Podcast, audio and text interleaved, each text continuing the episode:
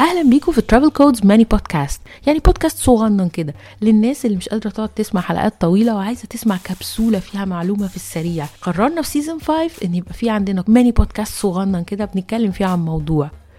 وكل حلقة هتكون أنا معاكم فيها. آه نسيت أقول لكم أنا مروة علي اللي هكون معاكم في كل بودكاست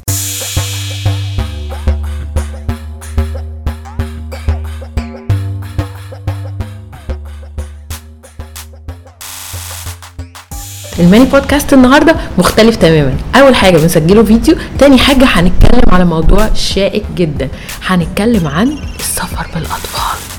آه آه. من أصعب الحاجات اللي الناس كلها بتسألني عليها tips السفر بالأطفال. هحاول ألخص لكم كل ال tips اللي عرفتها من خلال تجاربي الجميلة مع العلول. طبعا كان مليان أحداث ووقعات وكدمات وهو كل ما ما بيكبر يبقى فيه tips مختلفة بس هحاول أجمع لكم حاجة جنرال نقدر نستفاد منها. خليكم معايا لآخر الماني بودكاست ده. أهم حاجة وأنا بحضر السفرية هي ال planning يعني إيه؟ التخطيط. بخطط لإيه؟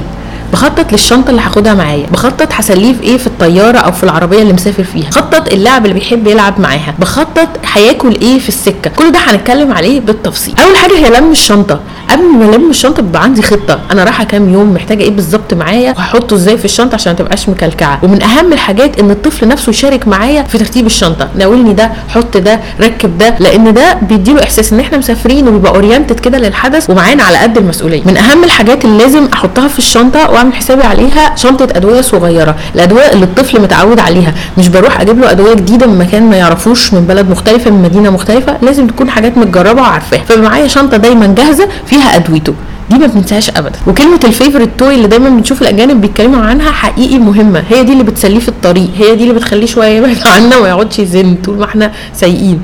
أو في الطيارة بيقعد يلعب بيها. لو عنده كرتون معين بيحبه ناخده يتفرج عليه شوية. ونخلي بالنا طبعا الحاجات الكهربائية ال gadgets يعني ليها battery life فاحنا لازم يبقى عندنا أفكار متنوعة فيها حاجات محتاجة battery وحاجات محتاجة إن هو ي interact ال flight meal بتبقى محطوطة default من أول ما بنشتري أي تذكرة طيارة. لكن أنا لو معايا طفل بقدر اخش قبل ما أسافر وبطلب إنها تتغير لوجبة الطفل وده بيفرق طبعا في الوجبة نفسها. مش دايما الوجبة اللي على الطيارة بصراحة بتبقى healthy يعني صحية. دايما بيكون فيها حاجات معبأه كده وأكياس وحلويات ساعات آه عصير مليان سكر. مش كل الأهالي بتدي الحاجات دي لاولادها فنصيحتي إن دايما يكون معاكي سناك لو معاكي طفل. سناك من الحاجات اللي هو بيحبها. كمان في السفرية نفسها هيجوع منك فما نبقاش بقى بنجري نطفي حرايق عمالين ندور هنجيب له إيه ياكله هنا ولا نجيب له إيه من هنا. سواء في الطيارة أو في خلال السفرية نفسها دايما بحاول أخلي معايا فاكهة البسكوت اللي بيحبه آه لو في بياكل كبير شوية بياكل مثلا ناتس وكده أخد له معايا فشار. الحاجات البسيطة السهلة اللي مش هتبهدلنا وهي بتطلع في أي مكان. وفي نفس الوقت تشبع الطفل لفترة.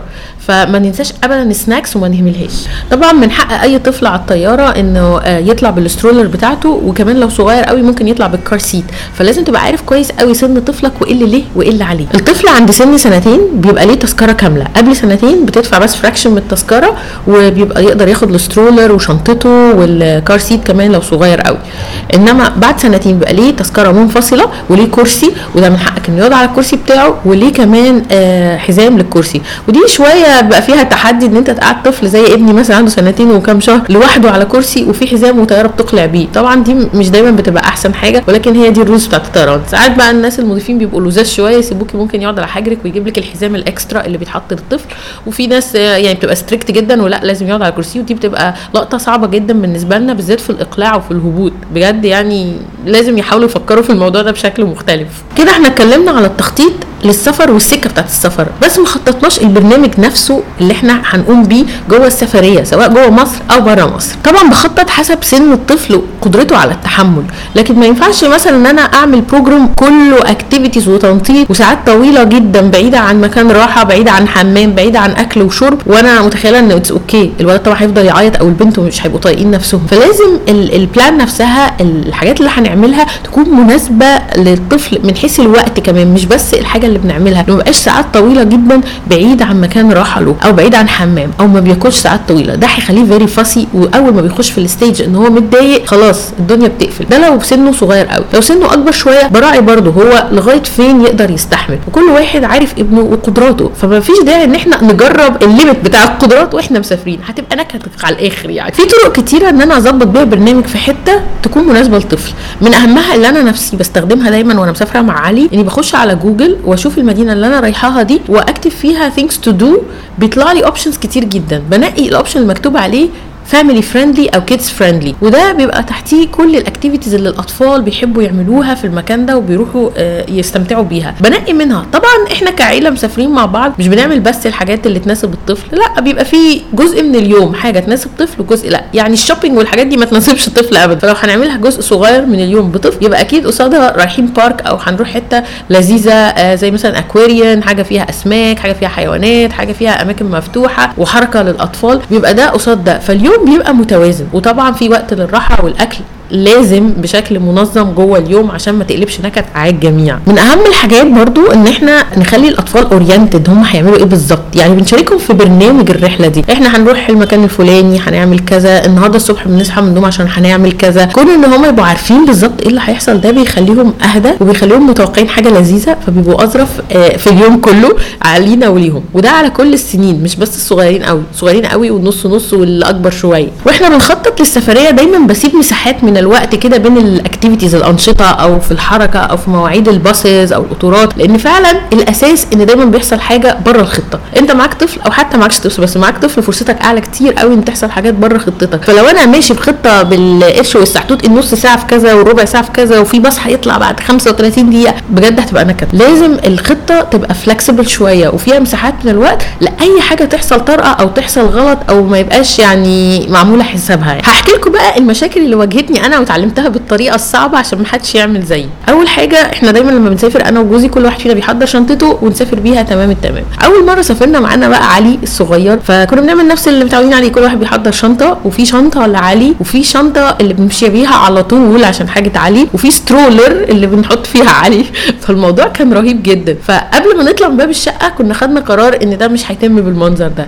واتعلمنا من الحتة دي. من ساعتها تقريبا وإحنا بنسافر بشنطة واحدة بس بنلم حاجة البيت كلها أنا وعلي ومصطفى.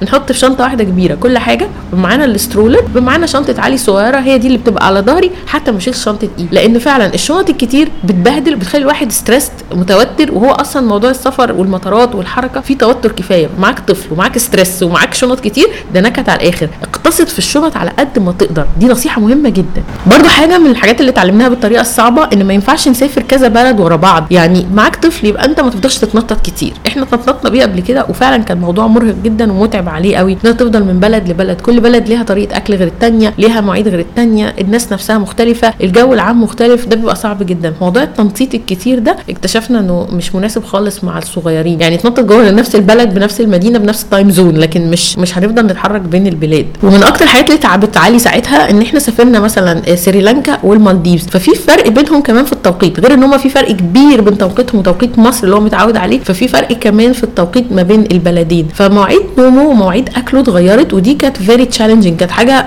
يعني صعبة نقدر يتحملها إن كل شوية المواعيد بتتغير. أيام بي بينام بالليل وبيصحى بالنهار والعكس. حاجة تانية برضو كان فيها تحدي بالنسبة لي موضوع الأكل.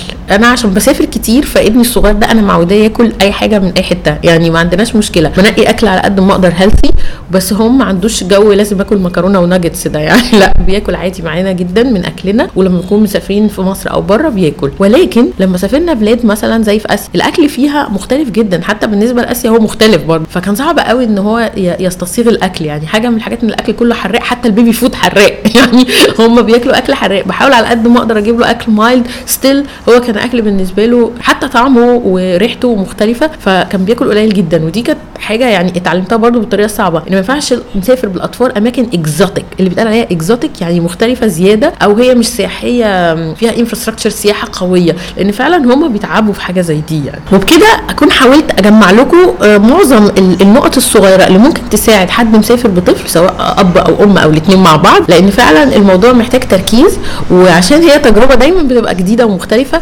بالعكس ده كل سن كمان مختلف غير السن اللي قبله فهي تفضل على طول مختلفة وفيها learning curve فدي ال- النقط اللي أنا اتعلمتها وأنا مسافرة. لو في حد منكم عنده تجارب مختلفة يقدر يساعدنا بأفكار جديدة ما يتأخرش علينا. يا ريت يقولها لنا في التعليق تحت أو على الإنستجرام أو على ترافل كودز بودكاست ساوند كلاود channel أشوفكم في ماني بودكاست قادم.